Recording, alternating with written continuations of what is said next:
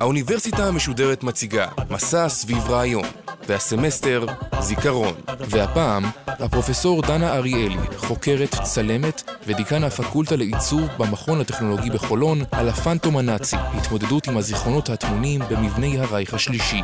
עורכת ראשית, מאיה גאייר.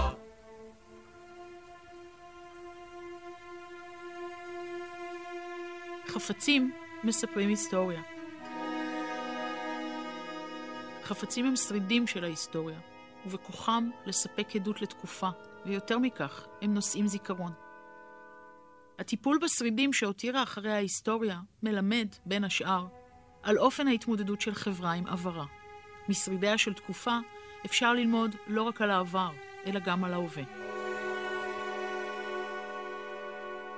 שלום, שמי דנה אריאלי, ואני חוקרת כבר מעל 20 שנה את קשרי הגומלין בין דיקטטורות לבין אסתטיקה. בשנים האחרונות אני מצלמת את שרידיהן של דיקטטורות, תוך שאני מתחקה בעיקר אחר האדריכלות, העיצוב והאומנות שהתהוו בעידן ההוא. ההנחה שלי היא שהשרידים הללו נעשו מהותיים מאוד, בעיקר מכיוון שאנו חיים בתקופה שבה מתמעטת נוכחותו של העד החי. התמעטות העדים מעלה לדיון את השאלה המהותית של נשאי הזיכרון. האם יהיו אלו החפצים? האם חפצים יכולים לייצר תחליף לבני אדם? ובכלל, כיצד ניתן לחלץ אמת היסטורית מחפצים או מבנים שנותרו כעדות במקומות שונים בהם התרחשה זוועה? ההרצאה הזו נסמכת על שני ספרים שלי שראו אור לאחרונה ועוסקים בנושא הזה. הראשון נקרא הפנטום הנאצי, מסע בעקבות שרידי הרייך השלישי, והוא ראה אור בשנת 2014. ואילו השני, כמעט שלוש שנים אחריו, פורסם בשלהי 2016, נקרא פנטומים, מסע בעקבות שרידי דיקטטורות. ובו למעלה מ-120 תצלומים שלי ו-140 כותבים שונים. כל אחד מהם בחר דימוי שונה וכתב עליו, על פי השקפת עולמו כיוצר או כחוקר. בשני הספרים אני מתחקה אחר שרידי הנאציזם מאז 1945 ועד היום, תוך שילוב בין גישה מחקרית לבין נקודת מבט אישית שלי כיוצרת. אני מתבוננת, מתעדת וחוקרת חפצים גדולים כקטנים, בתנאי ששרדו את מלחמת העולם השנייה. לעתים אני מתעדת במקומות שאני יודעת שהתרחשה בהן זוועה, גם אם אין לה עדות חומרית ממשית. בשנים האחרונות אני מצלמת גם בארצות שהדיקטטורה התרחבה אליהן, כמו למשל אוסטריה או פולין, ולהבדיל גם ארצות במזרח הרחוק שניהלו דיאלוג עם דיקטטורות, כמו טיוואן או יפן. בשל קוצר היריעה אני אתמקד היום רק במקרה של גרמניה הנאצית. ואני אבקש לפתוח בסקירה כללית באשר לצורות ההתמודדות של הגרמנים עם אברהם, ומשם לעבור להמחשה של כל אחת מצורות ההתמודדות שלהם. ההתמודדות עם המבנים שהוקמו על ידי הנאצים החלה עוד בשלהי מלחמת העולם השנייה. הרס ומחיקה של מבנים אלו התבצע למשך פרק זמן קצר ביותר בזמן המלחמה. אבל חשוב להדגיש שפתרון כזה אומץ במקרים נדירים, בעיקר ביחס למבנים נאציים שהיו בעלי ערך סימבולי חריג. הפצצה או העלמה של המבנים התרחשה מטבעה בחופזה, בצוק העיתים, ולא מתוך חשיבה היסטורית מעמיקה. לאחר השואה והמלחמה הפכו בנייני וחפצי הרייך השלישי שנותרו על כנם למעין רוח רפאים, הנוכחת ובה בעת נפקדת ממרחביה של גרמניה. מטבע הדברים עוררו שרידי הנאציזם מבוכה עצומה, ועל כן מקבלי ההחלטות העדיפו שלא להחליט בסוגיה הזו.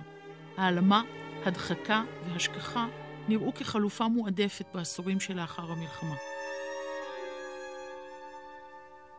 חלוקתה של גרמניה בין מערב למזרח רק העמיקה את חוסר ההסכמה בנוגע לפנטומים שהותירה אחרי ההיסטוריה. איחודה של גרמניה ב-1990 אפשר התייחסות מחודשת אל השרידים הנאצים. כיום, השרידים הענקיים הללו, הניצבים בליבן של ברלין, מינכן, נירנברג וערים אחרות ברחבי גרמניה, מטופלים בדרכים שונות. ההתמודדות עמם נעה על רצף שבצידו האחד התעלמות, הדחקה והכחשה, ובצידו האחר נטילת אחריות היסטורית, שמתבטאת בפתרונות חדשים שגרמניה החלה לאמץ מאז האיחוד. הכוונה היא בעיקר להשמשה, או כפי שזה נקרא בלועזית reuse, או איוש מחדש, כלומר ניסיונות להכיל את המבנים בנוף האורבני. כל אחת מדרכי ההתמודדות, עליהן ארחיב מיד, מהווה ביטוי שונה למה שמכונה תרבות זיכרון.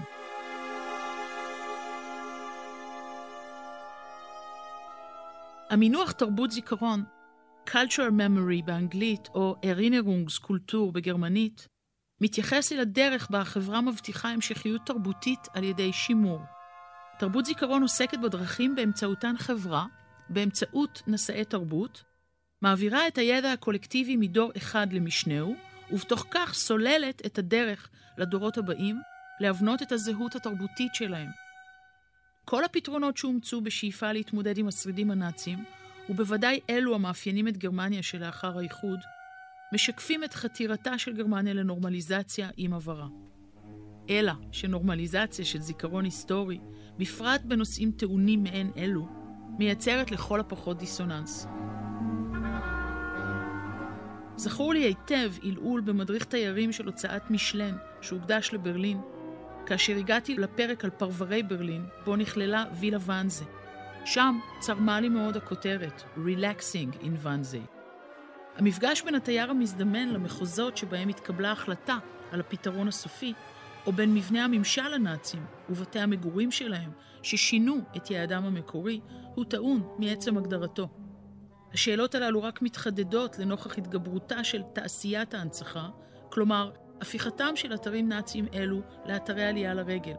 וזה לא ממש משנה אם מדובר במוקסמי נאציזם, או חמור מכך בפעילים ניאו-נאצים. ובכל זאת, יאמר כאן מיד שעם כל הבעייתיות, אינני סבורה שעדיף היה להתעלם מעברם של המבנים האלו. תהליך תיווך ההיסטוריה המורכבת של המבנים האלה לקהל המבקרים יוצר אי נוחות, אך מצב זה עדיף פי כמה על התעלמות טוטאלית מהעבר. השינוי במעמדה של הארכיטקטורה הנאצית בחלוף העשורים משקף את הניסיון לכתוב מחדש את ההיסטוריה ולהתגבר על הטראומה. מעצם טבעם, מרחבים אורבניים אינם חדלים להתפתח כל העת, ועל כן הדילמה שמעצבי תרבות הזיכרון בגרמניה ניצבים מולה, רלוונטית לכל חברה שאיננה מתעלמת מעברה. למרות המורכבות, ההטרוגניות וחוסר ההסכמה, נדמה שנעשים בגרמניה צעדים מעוררי השתאות, שספק אם מדינות דמוקרטיות אחרות, ובכללן ישראל, אמיצות דיין כדי לאמצם. הפנטום הנאצי הוא לפיכך לא רק מחקר ספציפי על המתרחש בגרמניה היום, אלא ניסיון לבחון את הדרכים באמצעותן חברות בוחרות להתמודד עם עברן בכלל, ועם אתרים בהם התרחשה הזוועה בפרט. ככלל, נכון לטעון שבימינו אין בגרמניה פתרון מגירה, אחיד, שיישומו מבטיח קונצנזוס. הטיפול בשרידים הנאצים מתחייב מתוקף החוק לשימור אתרים היסטוריים, שהתקבל בשלהי שנות ה-70 של המאה ה-20. אישור החוק המחייב לשמר את המבנים האלה לא העלים את המחלוקות באשר לתהליכי השימור שנותרו בעינם. בהיעדר הנחיות חד-משמעיות, אי ההסכמה שבה ומתגלה. האם כאשר מתקבלת החלטה לשמר את עיצוב הפנים של המבנים, יש להשתמש ברישומים ובפרוגרמות המקוריים של האדריכלים והמעצבים הנאצים. זאת ועוד, קנה המידה של המבנים העצומים הללו תובע משאבים אדירים. האם יש להגביל את כמות המשאבים שמושקעת בשימור המבנים?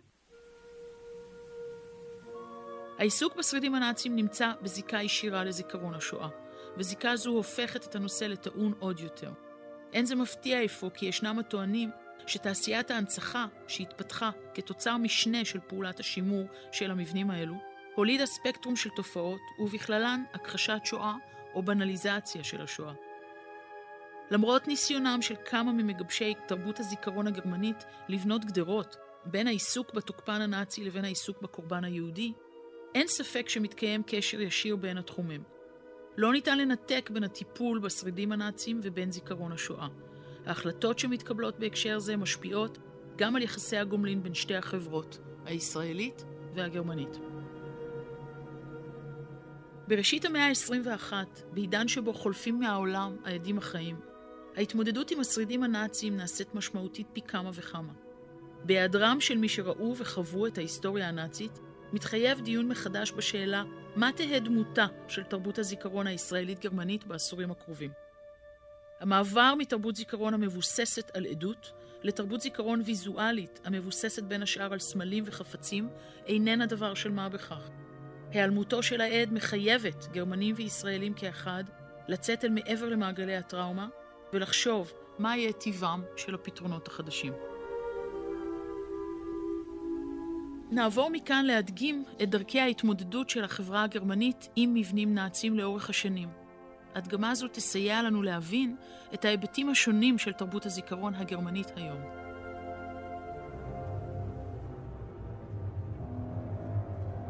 הפתרון הראשון עוסק בהריסה ומחיקה של אדריכלות הרייך השלישי. הסופר הגרמני ארנסט יונגר כתב כי בכוחה של המלחמה להציע טיהור גדול באמצעות העין. באופן דומה, עם תום מלחמת העולם השנייה, היו מי שגרסו שרק הרס מוחלט של כל שרידי הנאציזם יסמל התחלה חדשה. ההחלטה לזרוע הרס מוחלט בערי גרמניה התבטאה בהפצצתן של כ-160 ערים,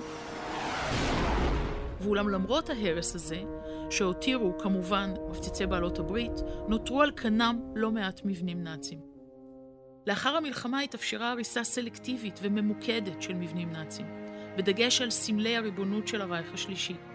ההיגיון שעמד מאחורי הצורך להרוס את סמלי הריבונות שיקף את הידיעה שההנהגה הנאצית הניחה משקל חריג על סמלים בכלל, ועל מבני השלטון המונומנטליים בפרט.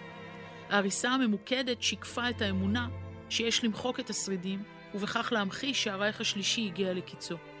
עובדה זו באה לידי ביטוי גם בנוכחות של כוחות צבאיים של בעלות הברית במקומות שונים ברחבי גרמניה, וזאת עד לאיחודה מחדש, ב-1990. אחד המבנים שנהנו ממשמעות סמלית חריגה היא לשכת הרייך החדשה, שנמחתה לגמרי מעל פני האדמה, וכיום לא נותר ממנה שריד כלשהו. פתרון חריג זה היה תולדה של היות לשכת הרייך החדשה מבנה שתוכנן אפריורי כסמל לריבונות של הרייך השלישי. הלשכה מוקמה לבחירתם של היטלר ואדריכל הרייך אלברט שפר בלב המרקם האורבני של ברלין, באזור יוקרתי, שהכיל תמהיל בין אדריכלות ממסדית מפוארת, שנבנתה עוד לפני עליית הנאצים לשלטון, לבין מבנים חדשים ויהודיים שתכננו אדריכלי הרייך השלישי על פי הזמנת מנהיגי הנאציזם. Speer understood what was required of Nazi architecture. This was Mein Kampf built out of gold mosaic and white German stone, perfectly adapted to the dynamics of Führer worship. המבנה, שניזוק קשות בקרב על ברלין בסוף מלחמת העולם השנייה, הוחרב לגמרי. הפצצתה והריסתה של לשכת הרייך בשנת 1945 בוצעה בהדרגה על ידי הצבא האדום מתוך מחסור בחומרי נפץ. בחלוף השנים נבנו בנייני מגורים על חורבותיה של לשכת הרייך החדשה. כיום, במפגש שבין הרחובות פוס ווילהלם, ניצבת מסעדה סינית בשם ברווז פקין. סמוך לכניסה למסעדה הוצב שלט שקוף, הוא שמתאר את ההיסטוריה של המקום ואת העובדה שבעבר הייתה כאן לשכתו החדשה של היטלר. בדומה ללשכת הרייך החדשה שנקטשה עד דק, כוסה ונחסם גם הבונקר המיתולוגי של היטלר, וחלקים ממנו נהרסו, וכיום אין לו ייצוג ממשי בנוף האורבני של ברלין. מיד לאחר מלחמת העולם השנייה הופצו שמועות סותרות על מיקומו המדויק של הבונקר. מכיוון שמדובר במערכת תת-קרקעית מסועפת, הכוללת לפחות שני בונקרים, הראשון, שנקרא הבונקר הקדמי ונבנה בשנת 1936, והשני, שנקרא הבונקר של הפירר, שנבנה בשנת 1945, והיה עמוק מתחת לאדמה לעומת קודמו, הוא ירד לעומק של כ-15 מטרים, הרי ששני המפלסים של העולם התת-קרקעי העצום הזה, שאומנם חוברו בגרם מדרגות, לא היו ידועים. בשנת 1947 ביקשו הסובייטים להפציץ את הבונקר, אך רק הקירות המפרידים נהרסו. ניסיון דומה נעשה ב-1959 על ידי שלטונות מזרח גרמניה, גם הוא ללא הצלחה. בסוף שנות ה-80 של המאה ה-20, במסגרת עבודות בנייה ופיתוח של האזור, התגלו ונהרסו כמה מחדריו של הבונקר הישן. לאחר האיחוד, ובמהלך ההכנות לקונצרט של להקת פינק פלויד, החומה, שהתקיים בברלין ביולי 1990, התגלתה כניסה חשאית נוספת למערך הבונקרים.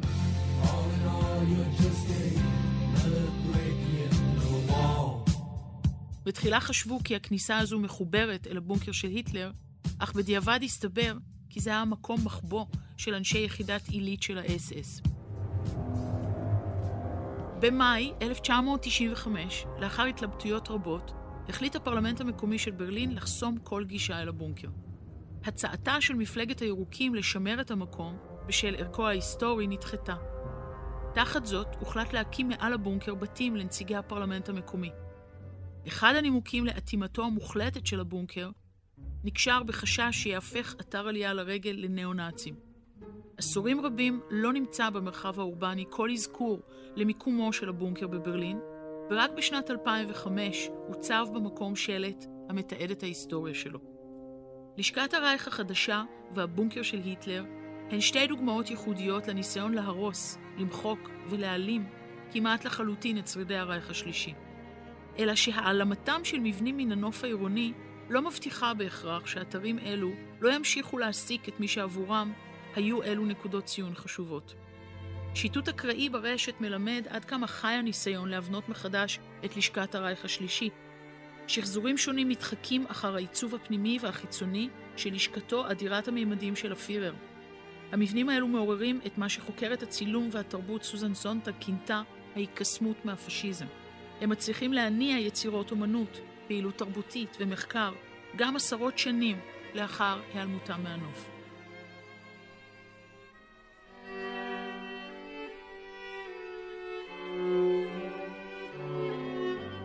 הפתרון השני שאני רוצה לדבר עליו היום עוסק בהפצצות סימבוליות.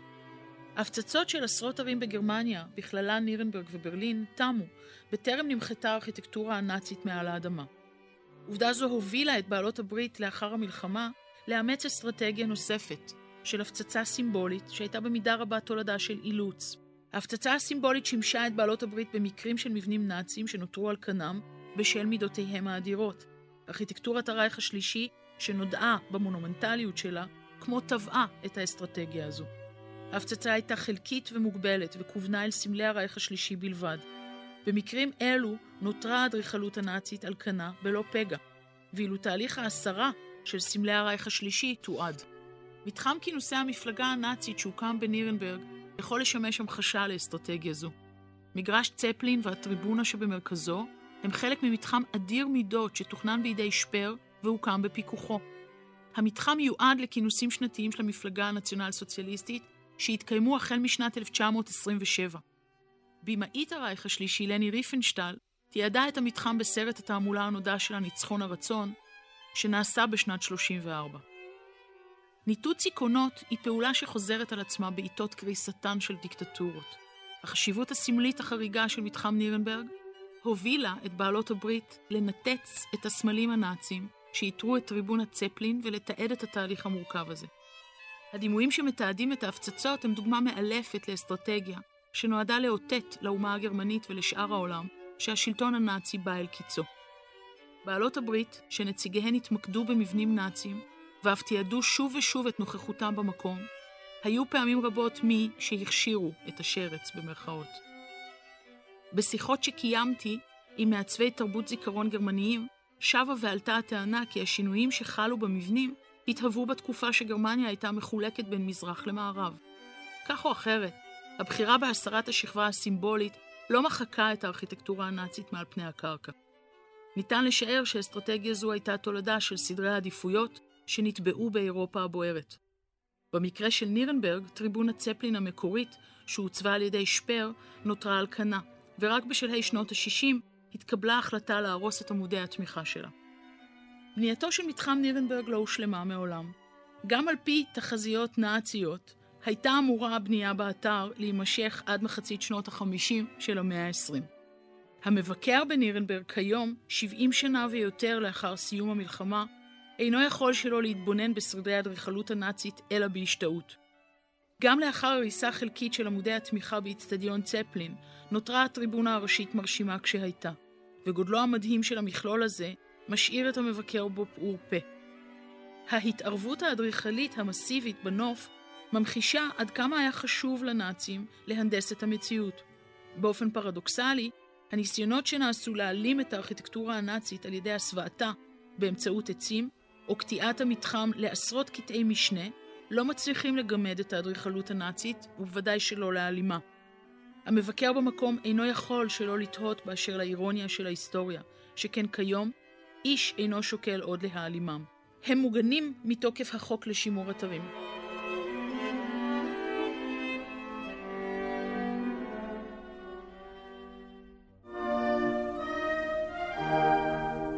הפתרון השלישי שארצה להרחיב עליו עוסק בהשמשה ואיוש מחדש של מבנים שהוקמו בעידן הנאצי.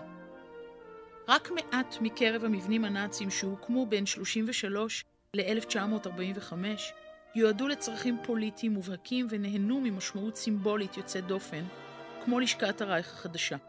מרבית המבנים הנאציים תוכננו לצורכי תרבות או לצרכים שוטפים וחשובים פחות, ועל כן רבים מהם שרדו עם תום מלחמת העולם השנייה. מאז איחודה של גרמניה נעשה מאמץ ניכר להכילם במארג האורבני העכשווי, אך איושם מחדש הוליד מורכבויות שעדיין רחוקות מפתרון. בית האומנות הגרמנית, שתוכנן בידי האדריכל הגרמני פול לודוויג טרוסט על פי דרישתו של היטלר, פתח את שעריו לראשונה ביולי 1937, עת הוצגה בו תערוכת האומנות הגרמנית הגדולה. כך, אחת לשנה ובמשך שמונה שנים, עד 1944, התקיימו בבית האומנות הגרמנית תערוכות ראווה ענקיות של המשטר הנאצי, שהיטלר שימש בהן כשופט.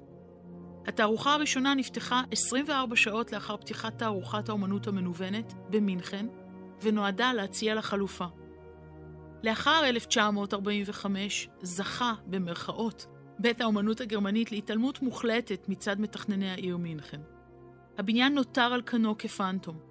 ניתן לשער שההחלטה שלא להחליט מה יעשה במבנה הטעון הזה, נקשרה גם ברצונם של פרנסי העיר ומשמריה להתנער מדימויה של מינכן כעיר הבירה של התנועה הנאצית. עוד במהלך שנות ה-70 של המאה ה-20 נשמעו קריאות להרוס את בית האומנות הגרמנית, דווקא על שום המשמעות הסמלית החריגה שיוחסה לו, אך הן לא נענו. בחלוף העשורים שימש הבניין חלל תצוגה של תערוכות מתחלפות, ובשנות ה-90 של המאה ה-20 שימש גם כדיסקוטק לתקופה קצרה. לאחר האיחוד שונה שמו של המבנה לבית האומנות, ובפועל הוא משמש כיום כאכסניה להצגתן של תערוכות אומנות, דהיינו בדיוק לאותם הצרכים שלשמם הוקם.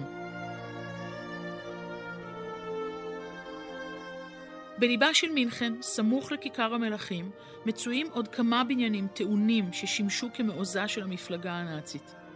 אחד שימש כמטה של אדולף היטלר, והאחר כבניין ראשי של הנהלת המפלגה הנאצית. בנייתם הושלמה בשנת 1937, והם מבנים תאומים, זהים. לקראת סיום מלחמת העולם השנייה, מנעו רשתות הסוואה אדירות שנמתחו מעל שני הבניינים את הפצצתם. כיום, מטהו לשעבר של היטלר משמש אקדמיה למוזיקה, ובניין הנהלת המפלגה הנאצית משמש מכון מרכזי לחקר ההיסטוריה של האמנות.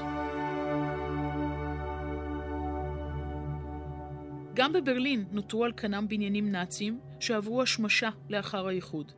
הבניין הראשון שתוכנן על ידי הנאצים והוקם בשנת 1936 נועד לשמש כמשרד חיל האוויר הנאצי, או כפי שכונה האווירייה, תוכנן בידי ארנס זגביל, שתכנן גם את שדה התעופה טמפלהוף. במבנה, המשמש כיום את משרד האוצר הגרמני, נערך הדיון הראשוני בעלויות הצפויות בעקבות הפתרון הסופי. המבנה הזה עומד על תילו מאז שנות ה-30 של המאה ה-20, בלא שחלו בו שינויים מהותיים. וכיום, נציגי השלטון בברלין מקבלים בו החלטות כלכליות, מדיניות ופוליטיות כדבר שבשגרה.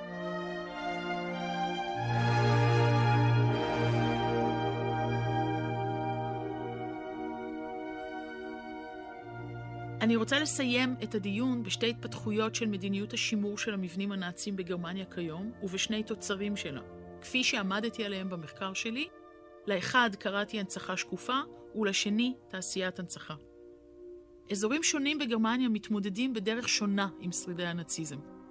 הפערים הללו משקפים לא רק את ההיסטוריה של גרמניה, שיש לה מסורת מקומית חזקה, אלא גם את העמדות הפוליטיות השונות ואת המצב הסוציו-אקונומי ההטרוגני שמתקיים בהם. ברלין עוסקת בהנצחה באובססיביות, הכמות הגואה של אתרי ההנצחה, האנדרטאות, המוזיאונים, שלטי הכוונה ולבני ההכוונה שנמצאים בה, מעידים על מצבה הייחודי, השונה משאר ערי גרמניה. ריבוי יצירות האומנות והתרבות המוצבות במרחב הציבורי האורבני הברלינאי, והמוקדשות לטיפול בנושא השואה והרייך השלישי, מצדיק את השימוש במינוח טראומה תרבותית, שהסוציולוג ג'פרי אלכסנדר הרחיב עליו במחקריו. שלטים שקופים מוצבים לאורכה ולרוחבה של ברלין, בעיקר באזורים שבעבר פעלה בהם התנועה הנאצית. לכך אפשר להוסיף לא מעט אתרי הנצחה שהשקיפות מאפיינת אותם. כל אלו נרקמים יחד למערך כולל של הנצחה שקופה. במינוח הנצחה שקופה, אני מבקשת לתאר דפוס הנצחה שהתבסס בעיקר בברלין לאחר האיחוד. המכניזם של ההנצחה השקופה מהווה דפוס של תגובה לשרידי האדריכלות הנאצית כיום, ומאפיין גם פרויקטים אחרים של הנצחה, כמו הספרייה של מיכה אולמן, שהיוזמה להקמתה התהוותה לאחר האיחוד. גם כיפת הרייכסטאג החדשה, שבנייתה הושלמה בשנת 1999, עשויה זכוכית. ועניין זה מתיישב עם חתירתו של הפרלמנט הגרמני להיות דמוקרטי, פלורליסטי ושקוף לכול, כפי שנוסחה לאחר 1945. השקיפות מחזקת את הצנעת ההנצחה במרחבים האורבניים. על פי הבנתי נועדה לפעול כמעין אסטרטגיה של הישרדות. ברצונך, תתבונן. ברצונך, תחלוף על פני האתר. שאם לא כך, כיצד אפשר לשרוד את חיי היומיום בברלין של המאה ה-21? ההנצחה השקופה מבקשת לחמוק מן ההדחקה או ההשכחה של ההיסטוריה, אך היא ערה למורכבות של החיים במרקם עירוני המוקדש כל כולו להנצחה, ולכן מסתייגת מהפיכתה של ברלין לאנדרטה אורבנית. There is no way to escape the fact that this has been the center of the Nazi terror machine. It was done from this city. And this city will tell you in a number of ways it was here where it happened. בזהירות אפשר לטעון כי באזורים שמרניים יותר מבחינה פוליטית, כמו מינכן או ביירויט, ניכר קושי של ממש באימוצה של הנצחה שקופה. הבחירה להתעלם מן המבנים הנאציים משקפת עמדה פוליטית. האוחזים בה מקווים כי ההתעלמות תסייע לסתום את הגולל על התביעה להתמודד עם העבר הנאצי. ובכל מקרה, עצם קיומן של תרבויות זיכרון שונות בגרמניה ממחיש עד כמה ההיסטוריה של הנאציזם עדיין שנויה במחלוקת. במונח תעשיית הנצחה אני מכוונת לסיורים בעקבות הקורבנות, במחנות הריכוז ועוד, וכמובן גם לסיורים בעקבות התוקפן הנאצי שהתבססו בעשורים האחרונים כפטריות לאחר הגשם. אפשר לשער שרק מיעוט מקרב המשתתפים בסיורים בעקבות האדריכלות הנאצית הם חוקרים והיסטוריונים. שאלת זהותם של המסיירים והנסיבות שבעטיין הם מוקסמים מהנאציזם נותרה עלומה. האם מדובר בתיירים סקרנים ונעדרי רקע היסטורי, או שמא מדובר במעריצים עתירי נוסטלגיה למלחמת העולם השנייה, שהנאציזם מעורר בהם היקסמות. For the mayor of Berchtesgaden, tourism of Nazi sites is a sensitive issue. We still move on by, by checking groups uh, which want to visit the sites in, in this historical conclusion. We don't want uh, to have any neo-Nazis here in Berchtesgaden. בכל מקרה, ולמרבה האירוניה, ברור שהפתרונות השונים שאומצו כדי להתמודד עם הארכיטקטורה של המדכאים, הם שהולידו תעשיית הנצחה. בתעשייה זו אפשר שבלי משים, שוות ומטשטשות ההבחנות שבין הקורבן לבין התוקפן.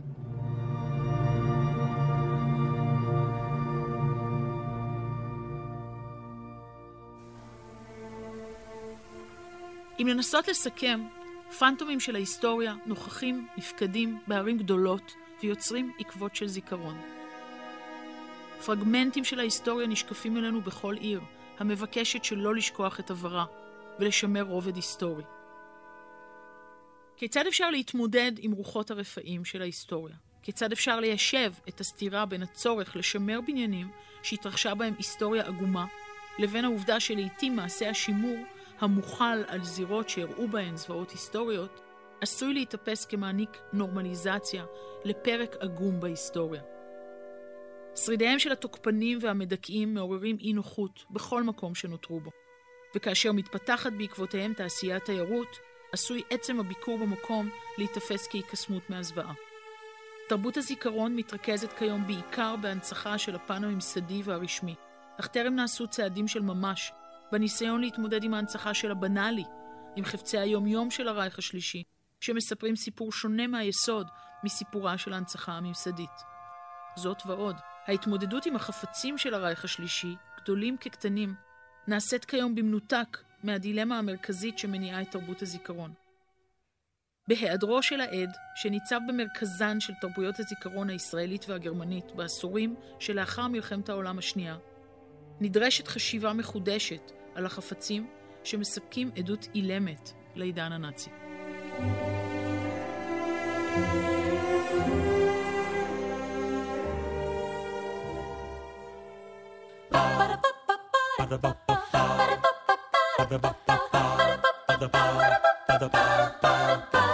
האוניברסיטה המשודרת, מסע סביב רעיון. הפרופסור דנה אריאלי, חוקרת, צלמת ודיקן הפקולטה לעיצוב במכון הטכנולוגי בחולון על הפנטום הנאצי. התמודדות עם הזיכרונות הטמונים במבני הרייך השלישי. עורכת ראשית, מאיה גאייר. עורכת ומפיקה, נעמי שלו. מפיקה ראשית, יובל שילר. עורכת הדיגיטל, נועה שינדלר. האוניברסיטה המשודרת, בכל זמן שתרצו, באתר וביישומון גלי צה"ל ובדף הפייסבוק של האוניברסיטה המשודרת.